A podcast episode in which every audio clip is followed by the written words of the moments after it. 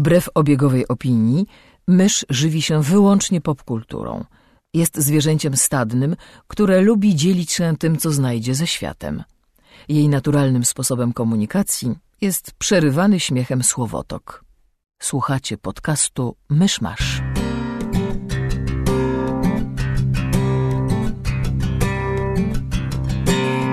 Gospodarzami podcastu Myszmasz są Krzysiek Sera, redaktor portalu Avalon. Kamil Borek ze studia Kobart. i Mysz, autorka bloga Mysza Mówi. Drodzy słuchacze, jest 13 lutego 2017 roku. Rocznica śmierci Katarzyny Howard, piątej żony Henryka VIII. Zapraszam do 171 odcinka podcastu Myszmasz. Henryk, Henryk VIII to był taki trochę pierwszy men's rights activist, prawda? Trochę tak. Witamy, witajcie. Witaj się, czy ty nas witasz, czy słuchaczy witasz, bo tak powiedziałeś to tak, jakbyś się spodziewał odpowiedzi. Cały świat witam. Myślałem, że może mysz się dołączy do powitań, przecież ty też witałeś. Hello! No, jest i mysz. A chyba nie będziemy trzymać w tajemnicy, że właśnie zakończyliśmy nagrywać sesję na podsłuchu, czyli graliśmy w Numenerę przez ładnych parę godzin i mamy nieco zryte głosy i nieco bardziej zryte mózgi. A, więc to może być jeden z tych odcinków, przekonamy się. Newsy. Ja mam jeden, przynajmniej jeden, który mi pływa gdzieś w mózgowinie na wierzchu. To znaczy, w zeszłym tygodniu mówiliśmy, że e, podano nazwiska aktorów, którzy zagrają bohaterów Runaways, a w minionym tygodniu podano nazwiska aktorów, którzy zagrają ich złych rodziców, czyli głównych złoczyńców historii. I tam, nie wiem, podano chyba sześć nazwisk, z czego pięć mi nic nie mówi, ale jedno to jest James Marsters, czyli Spike z. Buffy, który będzie grał ojca Chase'a, czyli Chase Stein to jest e, syn genialnych naukowców, który nie jest geniuszem. I jego Ach. ojciec go nie cierpiał z tego powodu i robił mu z życia piekło. E, więc James Marsters jako szalony wynalazca, który znający się nad swoim synem, myślę, że to będzie działać. Myślę, że to będzie działać bardzo dobrze. E, to jest jeden news. Inny news jest taki, że był e, Super Bowl i oczywiście wszyscy kibicowaliśmy nie wiem, Jednemu z zespołów. Brazylii. Brazylia tam grała. Myślę, że na swój sposób Brazylia była w naszych sercach podczas tego Super Bowl. The, the Florida Marlins. Możliwe, Coś, możliwe. nie, zmyślam teraz. E, New, New Mexico Pangolins. Tak jest. E, Ale podczas Super Bowlu pokazano zwiastuny filmów. Chyba wszystko to były zwiastuny filmów, które już miały swoje zwiastuny. Ja nie wiem, czy tam była jakaś premiera czegoś. Tak mi się wydaje. Przy czym po raz pierwszy jakby y, zobaczyłem zwiastun filmu Live. E, A, horror na orbicie. Horror Tak, na z orbicie Ryanem z Ryanem Reynoldsem. Reynoldsem i tym, e, no. mm, Jake'em Gyllenhaalem? Jake'em Gyllenhaalem. Tak. E, tam były, bo tam widziałem dwa trailery jeden po sobie. Jeden był taki bardzo, bardzo trailerowy, bardzo typowy. Drugi z kolei wykorzystywał e, no, Spirits in the Sky bodajże, co, co, co trochę ciężko to nazwać oryginalnym, bo, bo, no, bo wszyscy wiemy czemu. E, ale nadal to jakby, ale to fajnie działało i to był fajny trailer i to może być nie najgorszy film. Zobaczymy. Był też pierwszy taki porządny zwiastun Piratów z Karaibów e, 5, w tytule nie ma nie cyfry. widziałem. A już nie mówiąc o tym, że wciąż nie widziałem czwartych Piratów z Karaibów. Dead, Man Tell No Tales e, na rynku polskim, w ogóle na, całym na całym świecie poza Stanami Zjednoczonymi film będzie znany jako Zemsta Salazara, a ja się upieram, że powinno być Truposze nie donoszą. E, I podzieliłem się na fanpage'u moimi długimi przemyśleniami na temat serii i nadziejami związanymi z tym tytułem i w ogóle zasadniczo zwiastun jak zwiastun. Czwarta część też miała dobre zwiastuny. Może powiedzmy tyle. Ale wciąż mam nadzieję, że tym razem wyjdzie. Um, był kolejny zwiastun e, Gwardzistów Galaktyki. Był ok.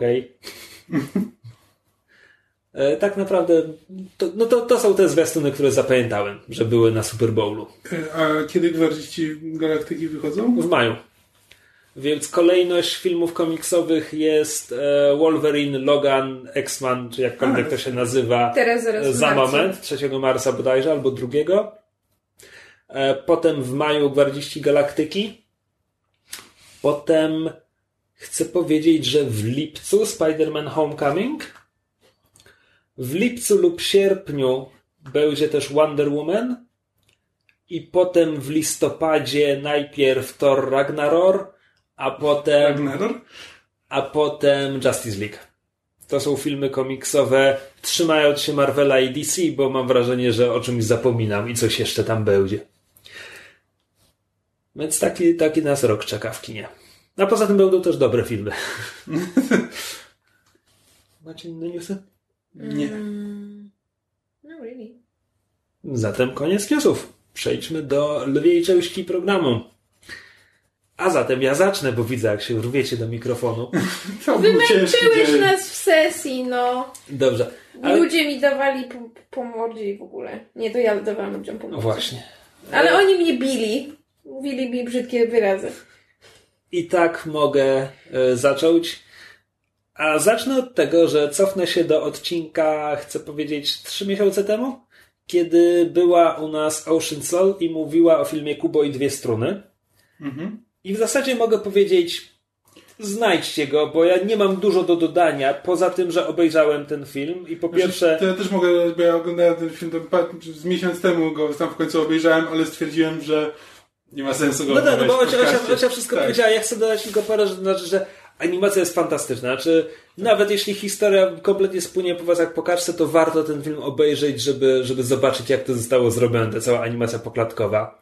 Tam zresztą, jak już lecą napisy końcowe, to w ogóle, kurczę, tyl, ilu artystów przy tym pracowało, bo zaczynają ci lecieć napisy końcowe i one pocz- początkowo też mają takie rysowane bohater, rysunki bohaterów filmu i tak dalej w zupełnie innym stylu niż występowali w filmie, ale też strasznie fajnym. Ja Tak. oglądam te napisy końcowe i myślę sobie, kurczę, ja mógłbym obejrzeć cały ten film, gdyby był tradycyjną, ręczną animacją w tym stylu, to też byłoby super. Potem jeszcze kończą się rysunki i masz scenę z powstawania filmu, gdzie masz, nie wiem, dwóch czy trzech animatorów, którzy pracują przy ogromnym stworze, który pojawia się w filmie, który jest też kilkumetrową kukłą i jak ją animują i to jest po prostu takie przyspieszone tempo, że żeby on wykonał trzy ruchy, to oni nad tym pracują trzy dni, czy coś takiego. Także po prostu technicznie, jako, jako animacja poklatkowa, świetne, to po prostu trzeba zobaczyć. Jako historia, to ma bardzo prościutką fabułkę, jeśli spojrzymy na ten ciąg przyczynowo-skutkowy, ale jednocześnie jest to historia o opowiadaniu historii i to bardzo konkretnie o opowiadaniu baśni i legend. I do tego bardzo dobrze pasuje to, że jakby główna historia jest taka prościutka. A... I wreszcie na końcu, nie patrząc już na to jako na animację, nie patrząc na to jako film dla dzieci, trochę starszych dzieci, ja bym powiedział, że jest tam dość, dość dużo dramatycznych rzeczy, to się sprawdza dla mnie jako po prostu film fantazy. Jako taka prosta historia bohatera, który rusza na wyprawę, spotyka niezwykłych sprzymierzeńców, musi pokonać niezwykłych przeciwników. Przecież sekwencja z, z, no, z gigantem. y, Świetne. No. E, Nie, jest fantastycznie zanimowany, jakby to jest y, w ogóle pomysł, pomysł na ten film, wykonanie, jakby wyjście po prostu od prostej koncepcji Bo to, i znowu, zrobienie tego dobrze i sercem. bo to zrobiła lajka, prawda? Tak, tak, tak, No. Tak, no bo, no bo koncepcja jest bardzo prosta. To jest bardzo prosta liniowa historyjka, ale postacie są bardzo sympatyczne, nawet jeśli nie są głębokie. I to po prostu działa. To po prostu świetnie działa na każdym poziomie. E, byłem tym filmem zachwycony. Oglądałem angielską wersję językową, więc mogłem docenić, że e, ściągnęli George'a Takei do studia tylko po to, żeby powiedział oh my.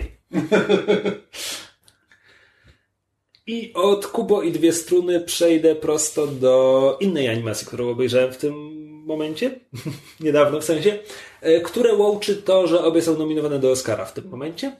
A obejrzałem film, e, przepraszam wszystkich frankofonów, e, Le Tour Rouge. Ojej. A nie mówię ani słowa po francusku, ale to nie brzmiało dobrze. E, czyli Czerwonego Żółwia.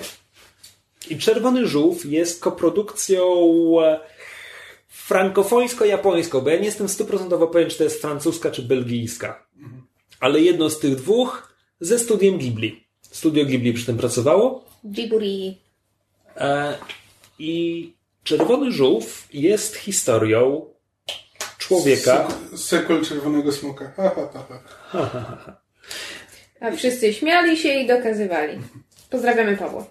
Jest historią e, człowieka, rozbitka, który trafia na bezludną wyspę. Próbuje z niej odpłynąć. W jego życiu pojawia się Czerwony Żółw. To jest komedia romantyczna? Nie do końca, aczkolwiek chwilę potem e, na wyspie pojawia się kobieta. I tutaj, e, znaczy chwilę potem, w tym momencie jesteśmy już praktycznie w połowie filmu.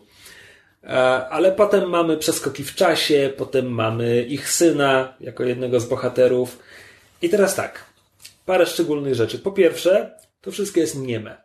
To znaczy, bohater na początku, jak zwiedza wyspę i jest sfrustrowany, to krzyczy na całe gardło. Natomiast tu nie pada ani jedno słowo zrozumiałe. Co najwyżej pokrzykują. Po drugie, to ma niesamowitą animację. To jest. Ja się nie znam na technikaliach. To wygląda po prostu jak zwykła animacja ręczna. Natomiast ma jakoś. Po pierwsze, ma fantastyczną paletę barw. E, taką bardzo artystyczną. Po drugie, obraz ma jakąś taką chropowatość, jakąś taką teksturę, o której trudno mi powiedzieć o co wchodzi. To po prostu trzeba zobaczyć, bo obraz jest niesamowity. Jest to również niesamowicie e, nakręcone, czyli ta, że tak powiem, metaforyczna kamera. Ona jest bardzo często jest bardzo daleko od bohaterów. Bardzo dużo jest w takim planie ogólnym, gdzie, gdzie bohaterowie są tylko małymi sylwetkami przemykającymi gdzieś po ekranie. E, to wygląda po prostu świetnie. To wygląda jakbyś oglądał e, no, ani, animowany rysunek jakiegoś artysty. Jakiś krajobraz, nie wiem, czy nawet wiesz, jak jest Hokusai i rysunek fali, to ma pewien związek z fabułą. Nie wnikajmy. W każdym razie wygląda świetnie. Natomiast od razu powiem, że to jest film medytacyjny. Bo tam nie ma dialogów, więc tam oglądasz naturę i sfrustrowanego człowieka. I trochę to, jak człowiek sobie próbuje radzić w naturze, ale to, to nie do końca jest temat tego filmu. I on tam jest samotny, ale potem nie jest, więc to z filmu o samotności zamienia się w film o, o byciu razem. Trochę trudno powiedzieć, o czym on jest. To jest tam trzy osoby na wyspie, dzieją się rzeczy, nie bardzo wiele rzeczy. Okej, okay, trochę dramatycznych. Jedna sekwencja jest bardzo dramatyczna. E, tu mogę wspomnieć, że wspominałem Hokusaja i Wielką Falę w ramach spoileru. A nie będę ukrywał, że mnie to trochę znudziło. Może nie byłem w medytacyjnym nastroju. Natomiast absolutnie doceniam to, jak to jest zrobione. Tylko, że e, mam też problem, bo można na to spojrzeć jako też baśń albo ekranizacja jakiejś legendy. Ja nie wiem, czy to się opiera na jakiejś legendzie japońskiej, czy jakiejkolwiek belgijskiej o czerwonym żółwiu.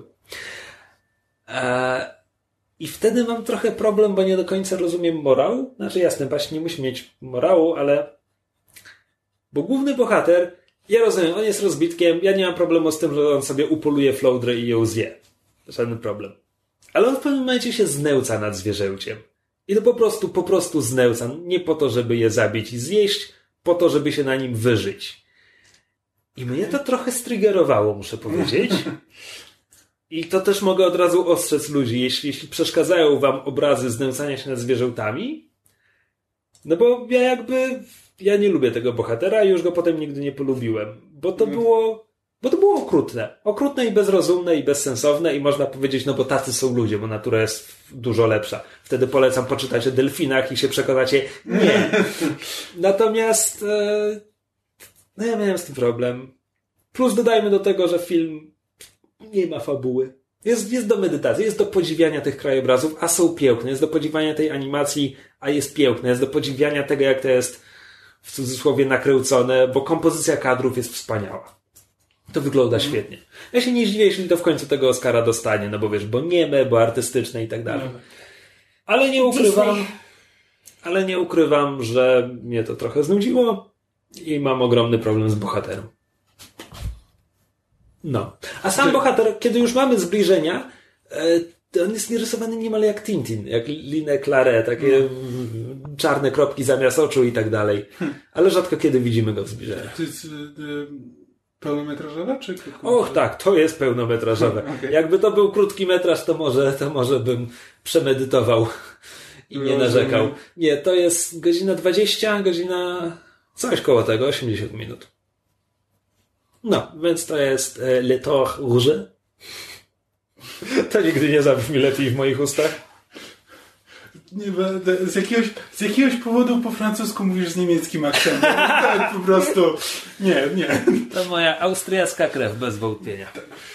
Byś, nadawałbyś się do rodziny królewskiej, ale nie do czytania francuskich poematów. Regardez-vous, les mes amis, le. E, dobrze, to ja w takim razie przejdę, ponieważ ja e, przypadkiem, nie przypadkiem, ale obejrzałem dwa filmy biograficzne, e, które teraz wszyscy oglądali, e, mianowicie Mac Imperium i Jackie. E, I jakby od razu mogę powiedzieć, że na oba na oba szedłem z takim samym nastawieniem na zasadzie e, w sumie to mnie tak średnio interesuje e, temat, e, ale warto zobaczyć dla głównego aktora slash aktorki. E, I z obu wyszedłem mniej więcej z takim samym przekonaniem, że, e, że cieszę się, że to zobaczyłem. Nie jest to, to ten. E, nie wywróciło to mojego świata do góry nogami. Nie wyszedłem z tego z myślą, że e, o mój Boże, jak dobrze, że w końcu na to poszedłem. E, ile bym stracił, gdybym, e, gdybym został jednak w domu. Nie, oba są porządnie zrealizowane, bardzo dobre filmy, które przede wszystkim warto obejrzeć dla aktorstwa. Tylko, że jakby są zupełnie inne w tym, jak, jaką historię opowiadają, na czym się skupiają i jaki mają wydźwięk. No bo Mac Imperium pokazuje po prostu większość jego życia, czy zaczyna się od spotkania z McDonaldami? E, znaczy, Mac Imperium zaczyna od tego, że poznajemy, już zdążyłem Ray Kroc. E, Kroka poznajemy jako sprzedawcę e, mikserów, e, który jeździ po całych Stanach i e, jeździ po tamtejszych dinerach i próbuje, próbuje sprzedawać miksery. No i właśnie i wtedy przez przypadek poznaje McDonaldów, bo, bo właśnie, bo chcą, bo sprzedał im kiedyś tam mikser yy, i się nagle dowiaduje, że chcą sześć mikserów, więc on dzwoni do nich, bo jest przekonany, że to jest pomyłka, bo nikomu nie jest potrzebnych sześć mikserów do jednej restauracji i nagle się dowiaduje, że właściwie to yy, prześli osiem na wszelki wypadek.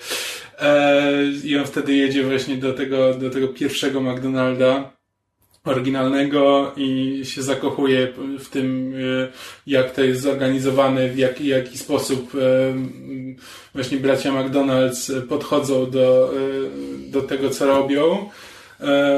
No i postanawia, że chce być, że chce być tego częścią i namawia ich do tego, żeby zaczęli franczyzę. Jakby to nie jest, czy on ich namawia, oni już kiedyś próbowali, że próbowali wcześniej, jakby zrobili pięć restauracji, ale nie byli w stanie zapewnić jakości, e, jakby każda restauracja robiła po swojemu e, i w końcu zrezygnowali z tego pomysłu, on ich namawia, żeby, żeby spróbowali jeszcze raz i y, oni mu trochę nie ufają, ale stwierdzają, że podpiszą umowę, e, będą mieli wszystko na, na papierze, więc, e, e, więc będą kryci, a może, może coś z tego wyjdzie. No, a to, to nie jest spoiler, bo jak wszyscy wiemy, to, y, to się nie, kończy najlepiej dla braci McDonald. E, I y, jakby Ray Kroc nie jest postacią pozytywną e, w, tym, e, w tym filmie.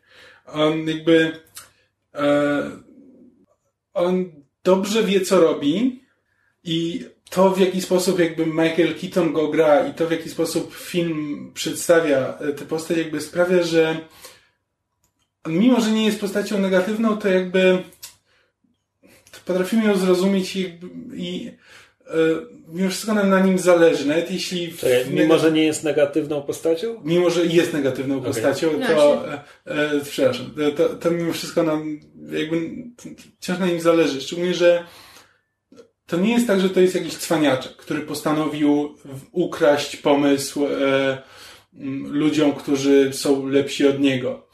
E, film ewidentnie pokazuje, że on włożył w to, w rozbudowanie sieci McDonaldów, on włożył w to serce, poświęcił temu całe życie i e, jakby to jest jego praca. To co, to, co on tam zrobił, to jest jego, to jest jego praca.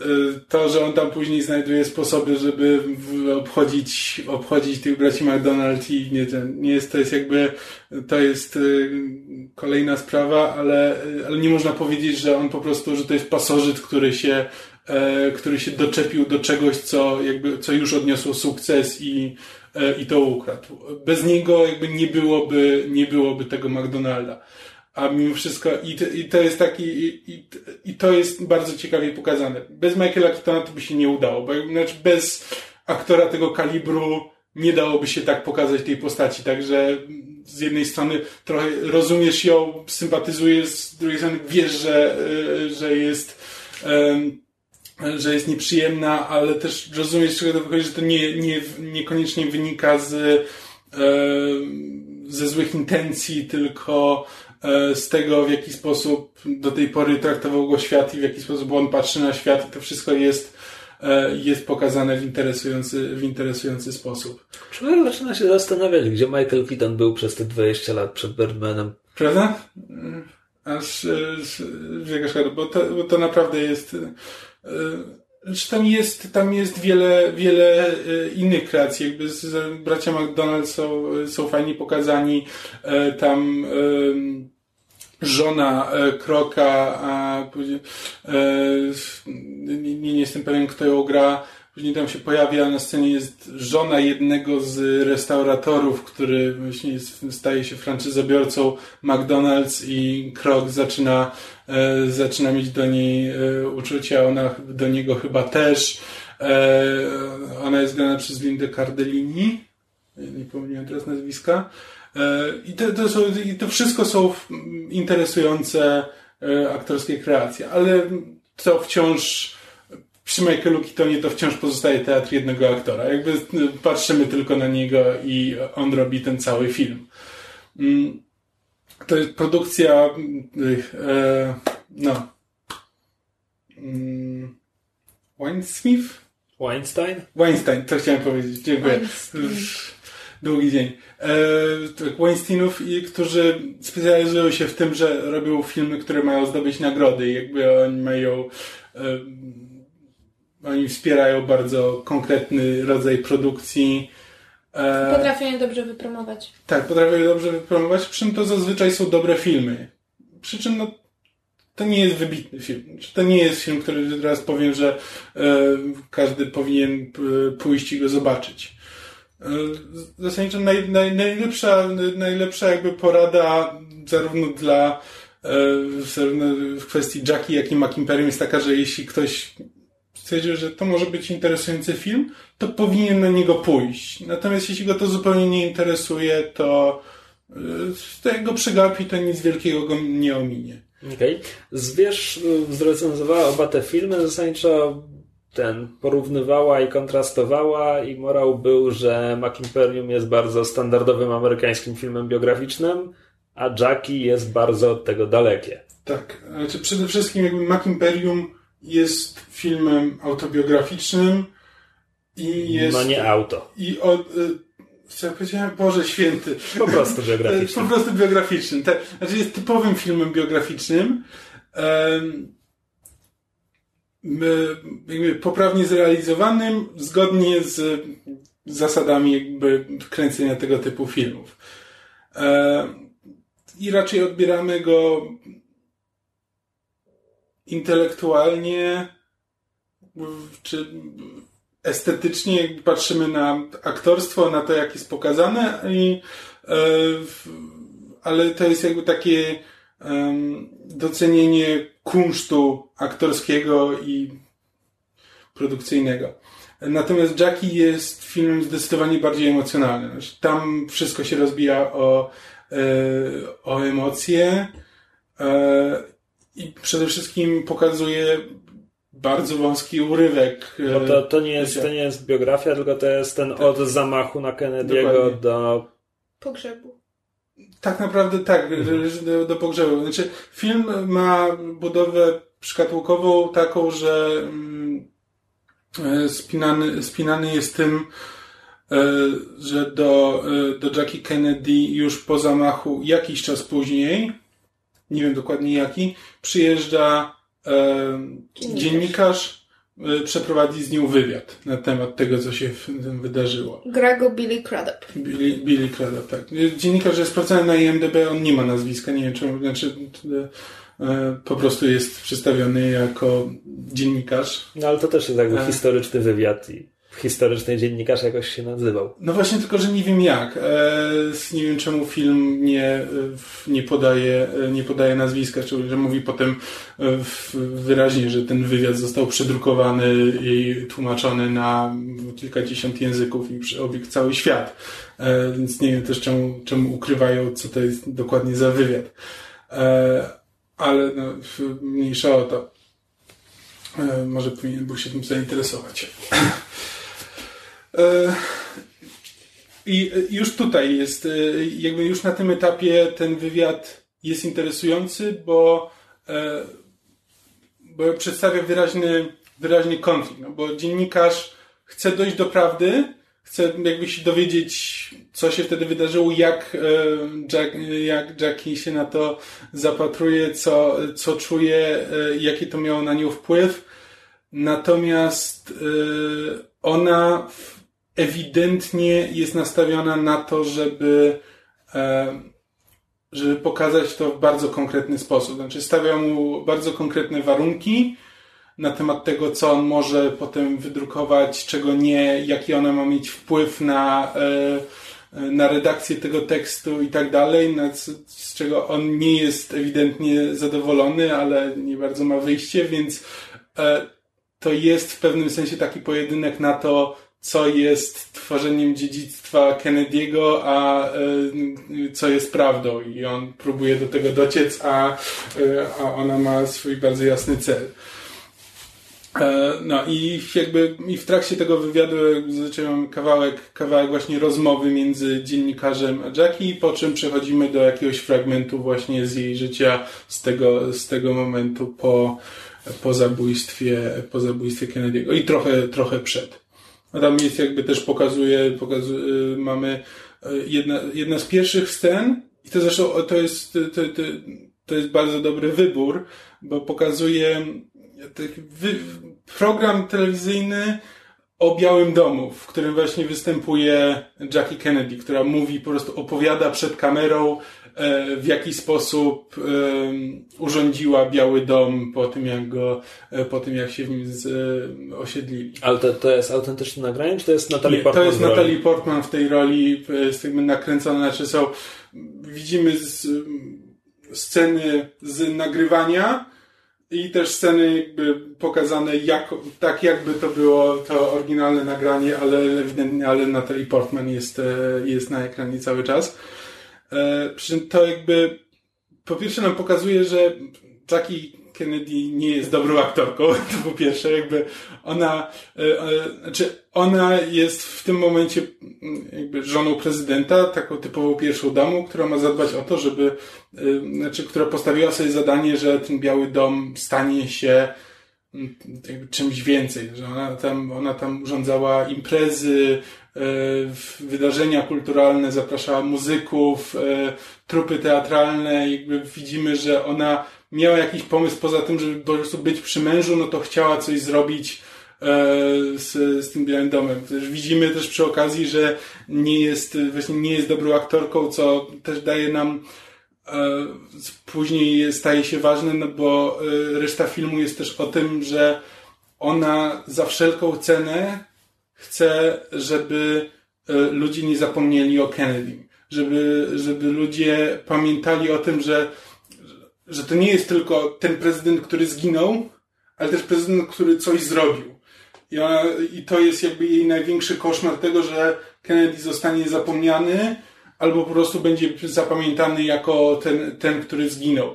A też nie, a wie, że jest na to bardzo duża szansa, no bo on y, urzędował tylko przez dwa lata e, i jakby nie licząc kryzysu, y, kryzysu kubańskiego, który z kolei, e, ten też jest w filmie powiedziane, że no, to jest kryzys, który być może on sam spowodował, a potem musiał go naprawiać, więc to też nie jest dobre, e, dobry mm, punkt wyjścia do budowania dziedzictwa. I, i to jest, i zresztą tutaj, tutaj ważne, widziałem już w internecie się pojawi, pojawiały te zarzuty. Tłumaczenie tego filmu jest. Czy e... było gorsze niż John Wick 2? Tak, tak, tak, tak. Bo to, poza tym, że jakby samo tłumaczenie jest. E, po prostu nie jest najlepsze, nie, nie, nie, nie, język nie jest najlepszy, ale to jakby nie, ja nigdy nie lubię się za bardzo przyczepiać do, do tłumaczeń, bo każdy dobrze, ma swój styl. dobrze, znaczy tak, każdy ma swój styl, potem też dobrze wiemy, że nie zawsze szczególnie robiąc napisy, kiedy masz bardzo konkretne ograniczenia co do tego, jak, jak co możesz. tak, co możesz zrobić, jak długie mogą być napisy. Czasami to po prostu no, nie da się wykrzesać z tego nic, co by zapadało w pamięć. No więc okej, okay być może ktoś, e, ktoś inny zrobiłby to lepiej, ale na to już bywa, czasami bywa lepiej, czasami bywa gorzej. Ale jest jedna scena, która po prostu świadczy o kompletnym niezrozumieniu nie tylko języka, ale i tematu, e, tematu filmu, też samej materii, którą się tłumaczy. Jest scena w karawanie, kiedy e, Jackie Kennedy jedzie z Bobiem Kennedy z trumną, z trumną Kennedy'ego. E, i otwiera okienko do szofera i zadaje tam szoferowi i pielęgniarce, który, którzy z nią jadą, zadaje pytanie, e, czy, e, czy wiedzą, kim byli James Garfield i William McKinley. I oni odpowiadają, nie. I ona mówi, they were both killed acting as president of the United States. E, I po czym zadaje pytanie, czy, a czy wiecie, kim był Abraham Lincoln? E, tak, e, uwolnił, uwolnił niewolników i wygrał, wygrał wojnę secesyjną. I jakby to jest, i to jest, jakby to jest jedna z najważniejszych scen w filmie, bo to jest scena, która właśnie pokazuje nam tą motywację.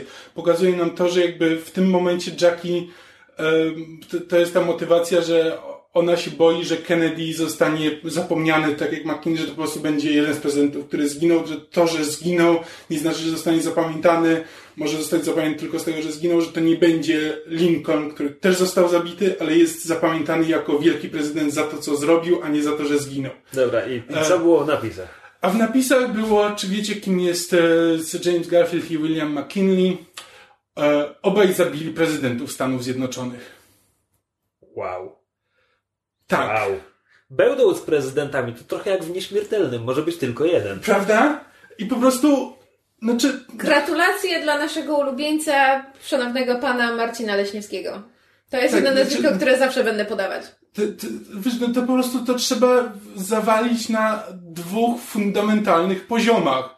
Znaczy, to jest po prostu niezrozumienie w językach, z którego się tłumaczy, i podstawowa ignorancja w materii, którą się tłumaczy, no. No, Nawet że Garfield i znaczy, okay, nie są nie, bardziej ja zapamiętywalnymi prezydentami. Jestem w stanie to zrozumieć, ale, ale po pierwsze... bardzo łatwo wygooglać. Ale po pierwsze, z tej sceny coś mu powinno nie grać w tym, co tam jest powiedziane, bo, bo ta scena wtedy z tym zdaniem nie ma sensu, żadnego.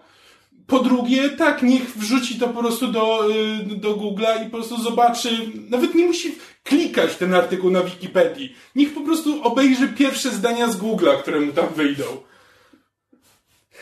Ojej, no wszyscy jak tu siedzimy wiemy, że tłumaczenie jest trudne. Czas, czasem zrobi się jakąś drobną gafę, żeby od razu jakieś wielkie halo z tego robić. Nie, okej, okay, to, to brzmi żałośnie. Tak, i tam te, tego typu różnych, no, jakby... Dobra, zostawmy, zostawmy Ale to, tłumaczenie. to jest nieważne. Co, e, co sądzisz o Natalii Portman? Bo polaryzujące opinie widzę, w sensie, że to polaryzujący występ. Znaczy, po pierwsze, e, ja praktycznie nic nie wiem o Jackie Kennedy. Jakby idąc na film, e, z, e, mam praktycznie zerową wiedzę o, o niej jako postaci historycznej. Wiem, wiem że była żoną, e, żoną prezydenta. Jakby no, poniekąd wiem, że ona bardzo mocno wpłynęła właśnie na to, jak, jak, jak był postrzegany E, urząd pierwszej damy. Znaczy, że ona sporo zmieniła w tym, czym, czym zajmują się pierwsze damy i e, jak bardzo jest widoczne to, co, to, co one robią. Jakby wpłynęła na... To, to, to, tylko, że w takim bardzo ogólnym zakresie.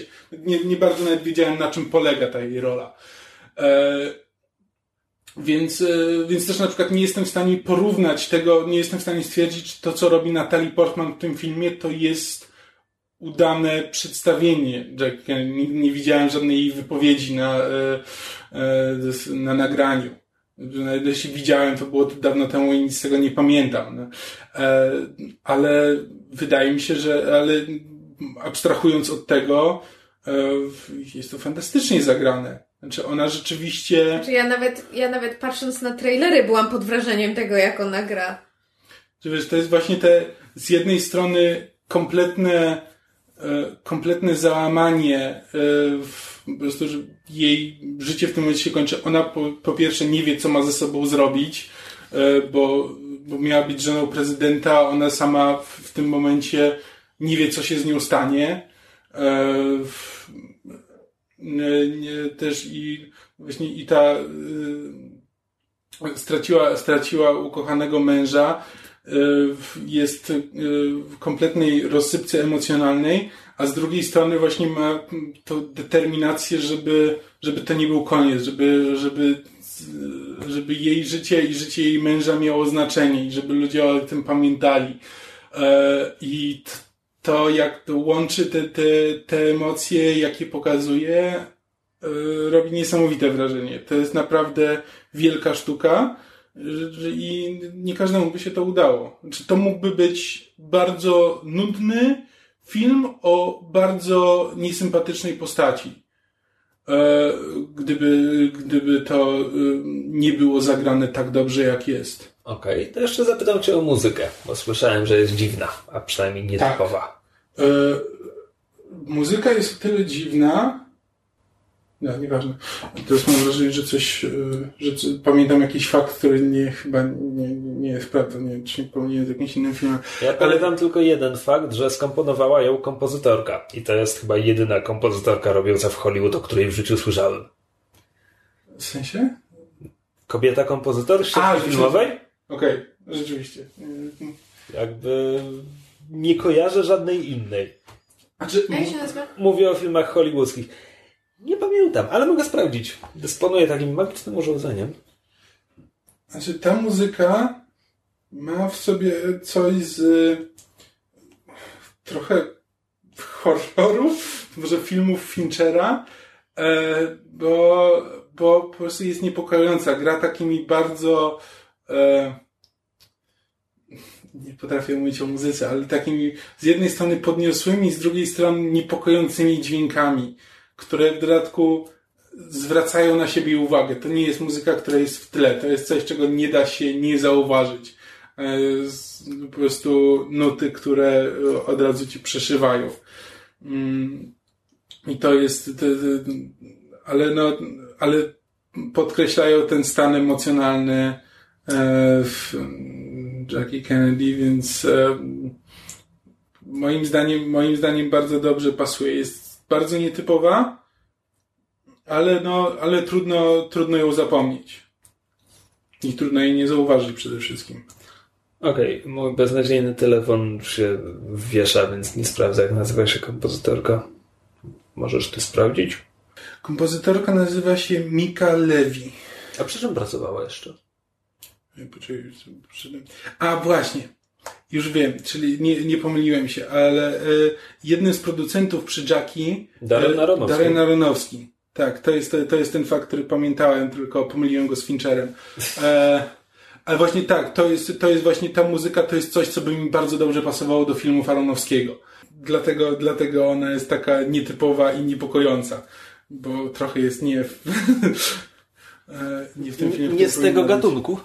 U, ona też pracowała przy Under the Skin z Scarlett Johansson. Hmm.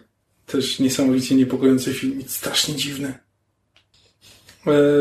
I miał bardzo chwaloną ścieżkę dźwiękową, właśnie muzykę. Nawet nie wiem. Ona niewiele ma, bo ma jakiś Marjorie Prime, który ma w tym roku wyjść, nie wiem co to jest, ale jakiś Dor de Ogen van de Ander. No ale to jakiś krótkometrażowy filmik. No i poza tym Under the Skin Jackie i to wszystko. No ale to tyle. Znaczy, oba filmy polecam. Naprawdę warto pójść, to nie będzie, nie będzie stracony czas. E, żaden z nich nie wrócił ni świata do góry nogami, nie, z, e, nie sprawił, że nagle stwierdziłem, że mm, moje życie nie byłoby pełne bez tych filmów, ale, ale naprawdę warto. A poza tym byliśmy z myszą na premierze tygodnia, filmie, na który wyczekiwaliśmy mm, już od lat, od tak. premiery pierwszej części. Kazałam się zabrać w ramach wczesnych walentynek. Tak, byliśmy na John Wick, chciałem powiedzieć John Wick 2, John Wick rozdział drugi. Nie, polski jest John Wick tak, 2, tak, po angielsku ale... jest John Wick Chapter 2. Tak, ponieważ e, reżyser postanowił stworzyć z tego uniwersum, bo e, poza tym, że już trzeci rozdział jest w produkcji, to e, są też plotki o serialu na podstawie Johna Wicka, który ma być prequelem, który skupia się na niemożliwej misji, którą John Wick musiał wykonać, żeby odejść z mafii. Tak, żeby przejść na emeryturę. Ale i co, i Keanu Reeves zagra w serialu? Nie mam pojęcia. Właśnie nie wiadomo. Nie, nie wiem, bo nic o tym serialu nie wiem, poza tym, że są, takie, są plotki, że ma on postać, ale nie, nie, nie wiem.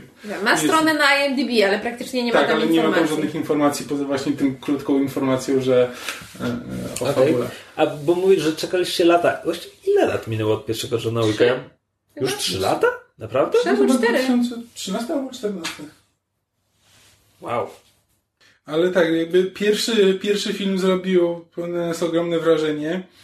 E, ja go uwielbiałem przez to 2014 rok. E, przez to, jak, jak pokazuje akcję, że to jest. E, to zresztą bodajże Honest Trailers świetnie pokazało. Zestawiając go ze sceną z Taken. Tak, Taken, gdzie wykorzystują chyba 10 różnych ujęć, żeby pokazać, 13. jak Liam Neeson skacze przez płot. Co za żenada. A w tym samym czasie e, w Johnny Wicku mamy całe, mamy długie sceny akcji. Znaczy, nie to, że długie sceny akcji. To nie jest tak, że dość, to jest... Dość, dość, to są dość długie ujęcia. Tak, znaczy one są robione na długich ujęciach. No, nie, nie mamy tak, tak, że cała są, scena akcji jest robiona na jednym ujęciu, ale tam naprawdę... ujęcia z, z szerokie, steadicamy. Tak, szerokie jeśli, jeśli dwie osoby walczą, to widzimy jakby, to widzimy jak walczą. Kamera za nim podążać na tym jednym ujęciu, skupia się na tym, na czym ma się skupiać, pokazuje nam szeroki obraz, a nie tylko detale typu pięść tak, uderzająca w twarz czy coś. Pierwszy John Wick, bo tylko tego widziałem, miał jedną ogromną zaletę, była nią choreografia walk tak. i robił wszystko, żeby ją nam pokazać. Tak, I, i, i, to w sposób, było, że... gdzie, żeby, żeby widownia mogła śledzić i ją docenić. Czyli właśnie długie ujęcia, wszystko było widać jak na dłoni, i po prostu miał fantastyczne strzelaniny. Ja, ja przy drugiej części byłem ja... absolutnie przerażony tym, że e, oglądając ten trailery drugiej części, materiały promocyjne, bałem się, że to, co, że reżyser albo producenci uznają, że to, co było najciekawsze w tym filmie, to jest mitologia, którą tam stworzyli i ten tajny świat e, zabójców na zlecenie.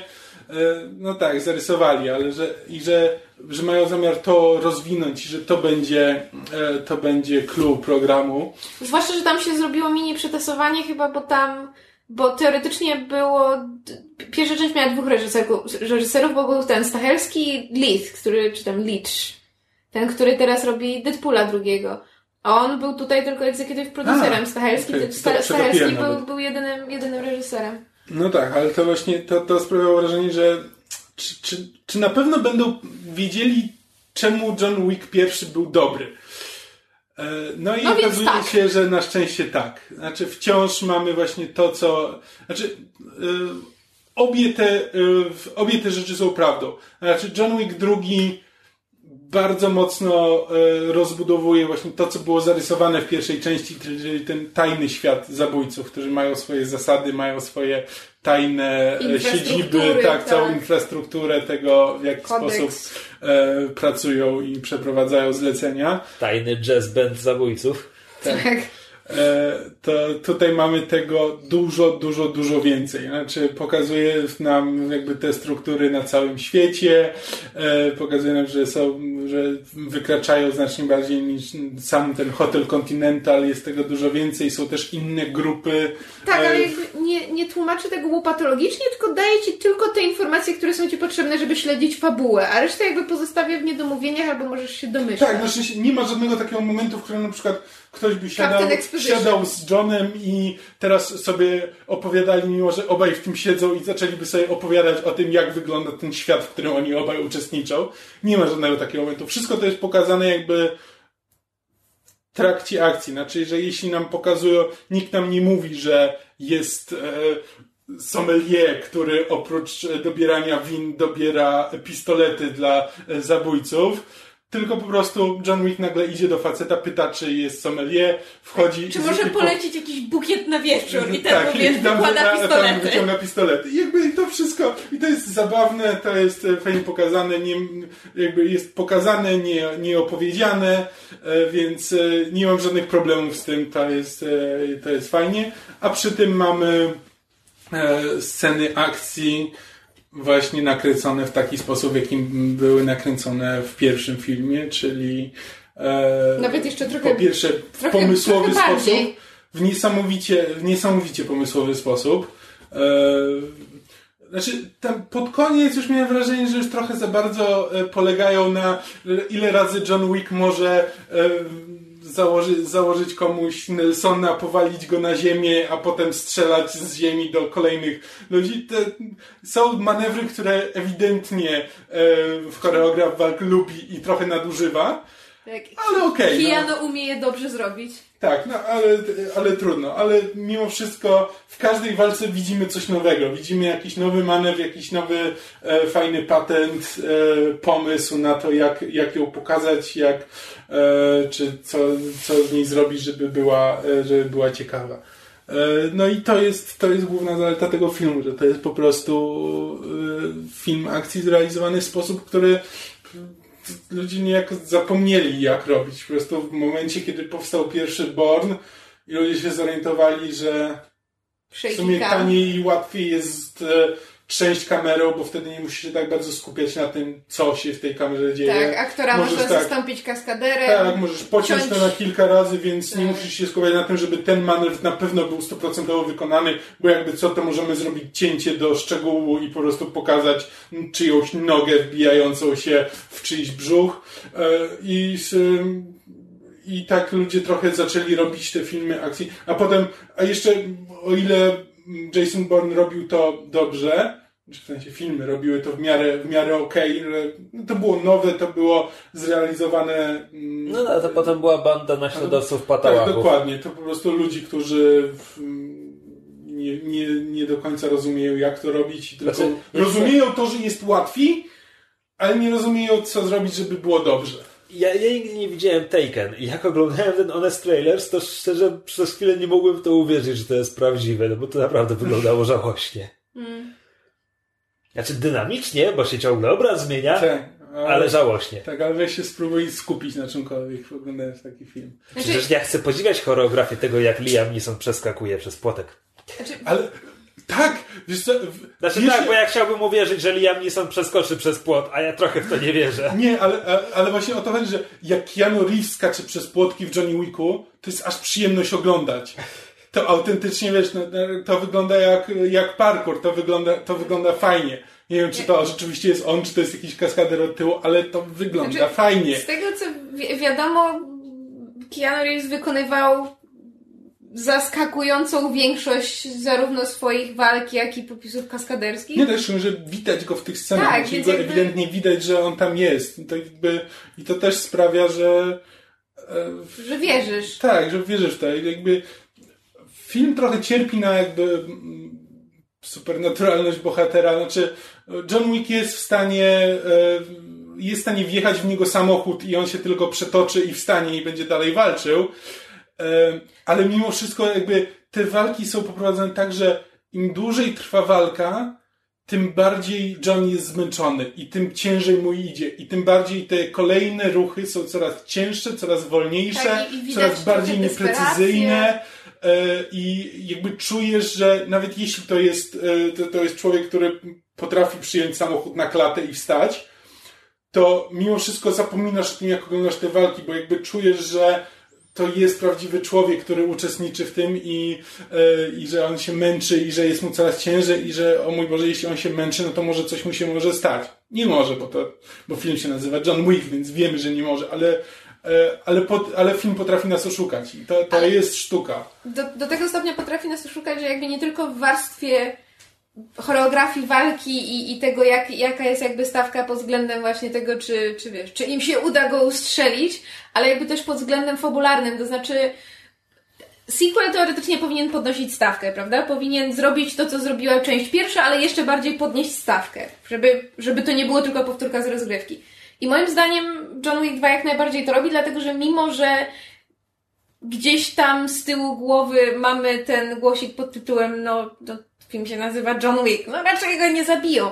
To jakby fabuła i napięcie i ta jakby ta, ta, ta pętla, która się powoli zacieśnia w, w, wokół bohatera, zarówno przez jego działanie, jak i działania tam wszystkich innych z tego, z tego półświadka, jest wiarygodna. To znaczy rzeczywiście pod koniec czujesz napięcie pod tytułem co się z nim stanie, czy ktoś mu coś zrobi, jak to się rozwiąże, co będzie Tak, a dalej. Przy, a przy, tym mi, mi, przy tym miło, że film nie ucieka się do takich sztuczek, w żadnym momencie nie.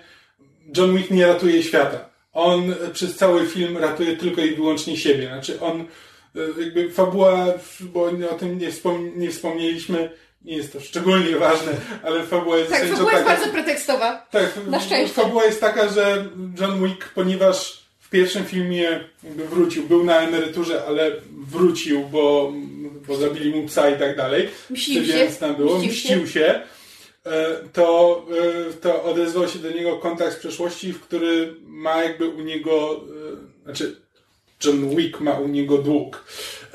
I on teraz chce odebrać przysługę Tak. bo wie, że wrócił, bo jakby miał zamiar go zostawić w spokoju. Wiedział, że, wiedział, żeby odszedł na emeryturę, jakby owszem miał u niego ten dług, ale okej, zapomnijmy o tym. No ale ponieważ wróciłeś, to cię potrzebuję. E, nie wiadomo, czy to jest prawda, ale to jakby to jest, to jest mniejsza o to. No No, i- on wykonuje to jedno zlecenie. Wbrew sobie. Wbrew sobie. Kodeks mu nakazuje. Tak, które się później okazuje, że y, tylko powoduje to, że w tym momencie e, wszyscy go ścigają. E, I on ma na karku cały, cały świat tych zabójców i właśnie ten, ten jazz zabójców, znaczy mamy sceny, kiedy po prostu każdy Tak a na ulicy może się okazać, e, może się okazać mordercą. Znaczy mamy e, Łącznie z prześliczną tak, skrzypaczką. Skrzypaczka na ulicy zbierająca, zbierająca tam monety do e, futerału e, nagle wyciąga broń i zaczyna, zaczyna za nim iść. Jakiś sumoka, który idzie, idzie po prostu ulicą, nagle go powala. I tego, ty- tego typu rzeczy. Zresztą jest, potem ma fajną kulminację w ostatniej scenie, ale to już nie, jest, nie, spoiluj, nie spoilujmy. E, i, I ten, i też, i to wrażenie zaszczucia też jest, e, też czuć i widać. A poza tym jakby... jest za szczucie? Czuć zaszczycie. E, tytuł odcinka. E, e, a poza tym jakby też, też twórcy zdawali sobie sprawę z em, specyficznych zdolności Keanu Reevesa, to znaczy on Keanu Reeves jest jak Steven Amell, przynajmniej kaska, kaskadera nie trzeba. Tak, dokładnie. strong, preferably silent type e, i tutaj Non-emotive. tak, tutaj też, e, też poszli w tę stronę. W związku z tym jakby John Wick dostaje stosunkowo niewiele kwestii i mówi je tak, jak tylko Keanu Reeves potrafi najlepiej je powiedzieć, czyli Wow. e? Tak, znaczy, Natomiast to najczęściej powtarzające się, powtarzająca się kwestia to jest yeah. Tak. E, natomiast jakby partnerują mu partnerują mu ludzie, którzy mają fajnie napisane postaci i je dobrze grają. To znaczy na przykład bardzo fajna e, taka właśnie, wiesz, rozmowa dwóch mruków jest między, między Johnem Wickiem a jego towarzyszem po fachu, którego gra e, raper Common. I też jest właśnie ten strong silent type, gdzie to jest, wiesz, na zasadzie e, to są dwaj mężczyźni, którzy znają się, którzy mają wobec siebie, znaczy mają jakąś relację, ale niekoniecznie w tym momencie są na dobrej stopie, ale to jest, wiesz, professional courtesy, to jest ten honor amongst thieves. Albo na, jest, jest Ian McShane, który był też w poprzedniej ja części. jest tutaj fantastyczny. Ale on w ogóle się świetnie nadaje do takich ról. W ogóle ja tylko czekam, aż go zobaczymy w, w amerykańskich bogach, bo przecież on gra Mhm, tak. ten. e, Wednesdaya. Wednesdaya, tak. Natomiast mnie szalenie zaimponowała, bo jakby w pierwszym Wicku no nie mieliśmy, nie mieliśmy za bardzo, za bardzo kobiet, no była jakby żona bohatera, która służy za... Nie no, jej nie było, ale miałaś Adrian Palicki w pierwszym filmie. To nie była duża rola, ale Tak, no dobrze. zauważalna. Tak, rzeczywiście. Em, natomiast jakby. Mm, Czy nazwałabym to niewdzięczną rolą? Trochę. No to taka, wiesz, zabójczyni fan fatal. Natomiast Zabójczyni, ta, czy, która grana przez Ruby Rose, dobrze mówię? tak, E, tak, e, która jest niema. E, Znaczy tak, porozum- porozumiewa się tylko językiem migowym. Językiem migowym. więc E, jest jeszcze bardziej strong silent type. Tak. Natomiast nie o to mi chodziło. Chodziło mi o tę um, Gianę. A, tak. e, przywódczynię Kamory, włoskiej mafii, która ma też niewielką rolę, ale ma bardzo taką długo rozbudowaną sekwencję, która jest fantastyczna. To znaczy, Ale sekwencje co, akcji czy gry Nie, nie, aktorskie? gry, Nie, to gry, jest rozmowa- tak, rozmowa po rozmowa prostu. Z, z, Johnem. Jest po prostu długa sekwencja, gdzie oni ze Właściwie sobą... taki półmonolog. Tak, ale gdzie, gdzie, gdzie ona jakby mówi i to są... Ja takie postaci zapamiętuję, to znaczy to jest postać, którą, którą, którą ja z tego filmu zapamiętam najbardziej, bo to jest jakby... Mm, Nie wiem, nie wiem jak to powiedzieć, żeby nie, nie zespoilować, ale to jest silna kobieta. We, we wszystkich najlepszych znaczeniach tego, tego, tego słowa. Czy To tak, znaczy, to jest jakby silna kobieta, która nie zawsze, nie, to, to nie znaczy, że ona zawsze wygrywa, ale, e, ale potrafi... Jak, tak, zna swoją wartość, jakby po- potrafi postawić na swoim, wie, wie kiedy em, ze sceny zejść. niepokonanym, tak, no po prostu maluteńka, maluteńka rulka dosłownie, ale bardzo, bardzo, bardzo mi się podobała. Mhm. I Lawrence Fishburne ma, ma, ma cameo. Um, Które też moim zdaniem, znaczy, znaczy akurat e, znaczy cameo e, Lorenza Fishburna jest fajne, znaczy jest fajnie zagrane, Lawrence Fishburne ma fajną postać i co nieco wnosi do filmu, jakby cały wątek, który tam wchodzi, przy czym gdyby go z niego usunąć, gdyby jego wątek usunąć z tego filmu, to... e, Niewiele byśmy stracili, Nie, niewiele tak. byśmy stracili. Tak, Ja on ma wpływ na fabułę jest- jakby w tym, w tak jak jest zbudowany, ale można by było przebudować ten film bardzo łatwo, wycinając cały ten segment. Przy czym mam wrażenie, że to jest właśnie podbudowa trochę pod... e, kolejny. Tak, pod, Tak, to samo pod pomyślałam. ten serial, czy pod kolejne filmy. Oprócz tego, że, że film ma dobrze nakręcone walki, to jakby podoba mi się to, że oni poszli jakby też, podnieśli stawkę pod względem scenografii. To znaczy rzeczywiście y, te, te, te, te szerokie kadry nie tylko w scenach walki są pięknie ten jest zaaranżowane. nakręcony. jest fantastycznie e, oświetlony. To znaczy to, jak tam jest wykorzystane em, światło, zarówno kolorowe, znaczy jakby o, ilość neonów po prostu idzie w jakieś zatrważające e, ilości i to, jak jest tam wykorzystana em, gra półcienia i na przykład e, w jednej z początkowych sekwencji jest takie szerokie ujęcie, kiedy John Wick walczy w em, magazynie, a na, na podłodze tego betonowego magazynu jest, jest kałuża i wiesz, to w, zarówno walka, jak i światła się w tym odbijają. I to, co mi bardzo zaimponowało jest to, że przy tej całej zabawie tym, tymi różnymi źródłami światła i różnymi oświetleniami wciąż widzisz, co się dzieje. Nigdy nie ma czegoś takiego, że jest zbyt ciemno albo zbyt em, konfundująco, żeby, żeby się zorientować. Może w finale, bo w finale już się bardzo popisywali pod względem tego, gdzie się dzieje walka i jak wizualnie mamy zaburzony punkt widzenia, nazwijmy to. To znaczy, Znaczy, Tak, ale, ale nie. Aha. No dziękuję za pomoc. E, natomiast też bardzo mi się podobała muzyka. To nie jest, nie jest, on, nie jest ona jakoś super um, charakterystyczna, natomiast jest wykorzystany ten sam taki, jest wykorzystana muzyka z pierwszej części, um, motyw, motyw Johna Wicka i jakby twórcy nadal nie, nie zmienili kierunku, znowu poszli w stronę takiego trochę um, ten EDM, ten, ten Electronic Dance Music i takiego właśnie um, bitu, który pod tym wszystkim jak, jak, jak tętno tak fajnie, fajnie bije, bardzo, bardzo mi się to podobało. To jest po prostu bardzo dobrze zrealizowany e, film sztuk walki, gdzie, gdzie widać te wszystkie um, wpływy, widać, że twórcy się wzorowali na, na, na wschodnim kinie walki, widać, że lubią Johna Woo i jakby tak, to nawet jest jedna... Scena jedna, z gołębiami. Tak, jest jedna tak. taka drobna scena, gdzie nie skupię to nie jest właśnie John Woo, gdzie mamy długie ujęcie tego, jak gołębie nagle odlatują, ale jest po prostu, jest dialog i ostrość mamy tylko na twarzy Kianu, ale, ale w tle, ale w ten, w tle nagle odlatuje ściana gołębi. E, to, takie, że okej, okay, czy, czy to jest zamierzony ukłon w stronę Johna Woo, czy nie? Nie wiesz do końca, ale chyba tak. E, tak, to, to, to było dziwne. Tak. Nie, ale, ale tak, jest, jest to jeden z najfajniejszych filmów akcji ostatnich, no. ostatnich jest... lat. Znaczy od czasu pierwszego Johna Wicka. Tak. Jest, jest parę takich nienachalnych dowcipów sytuacyjnych, bo jakby to nie jest film, który się skrzy od błyskotliwych dialogów, ale jest parę fajnych takich perełek, parę żartów sytuacyjnych. Jest uroczy piesek.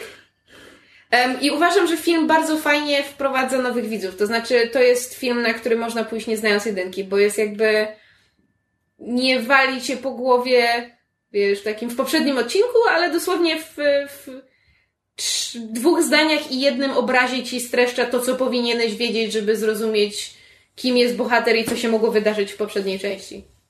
Więc nawet jeżeli nie widzieliście jedynki, jeżeli Was zainteresowało to, co mówimy o filmie, lubicie dobrze pokazane sztuki walki, to bardzo zachęcamy, żeby się na John Wicka 2 wybrać, a potem obejrzeć jedynkę, bo też jest zajebista. Zdecydowanie. Tak jest. No, to chyba tyle w tym tygodniu. Na tym kończymy odcinek. I jak zwykle możecie się z nami skontaktować na Facebooku, na stronie myszmasz.pl na mailu. Na mailu myszmaszpodcast.com Wszystko jest w końcówce, więc tam sobie... Przyjmuję też listy w butelce i gołębie pocztowe. Dobrze. Jak wam się uda gołębie pocztowego, to... Będzie dla kotów. no, ale to tyle i do usłyszenia w przyszłym tygodniu. Peace out! Jo. Cześć. Słuchaliście podcastu Myszmasz. Możecie nas znaleźć na myszmasz.pl lub polubić nasz fanpage na Facebooku. Możecie nam także wysłać maila na myszmaszpodcast.gmail.com Jeśli ten tak przyjdzie, będziemy szczęśliwi jak pies Johna Wicka. Ten drugi. A propos, jeśli nie widzieliście, wejdźcie na YouTube i znajdźcie filmik Dog Week. To jest John Wick tylko odwrotnie. Pies mści właściciela. Warto. Mysz masz approved.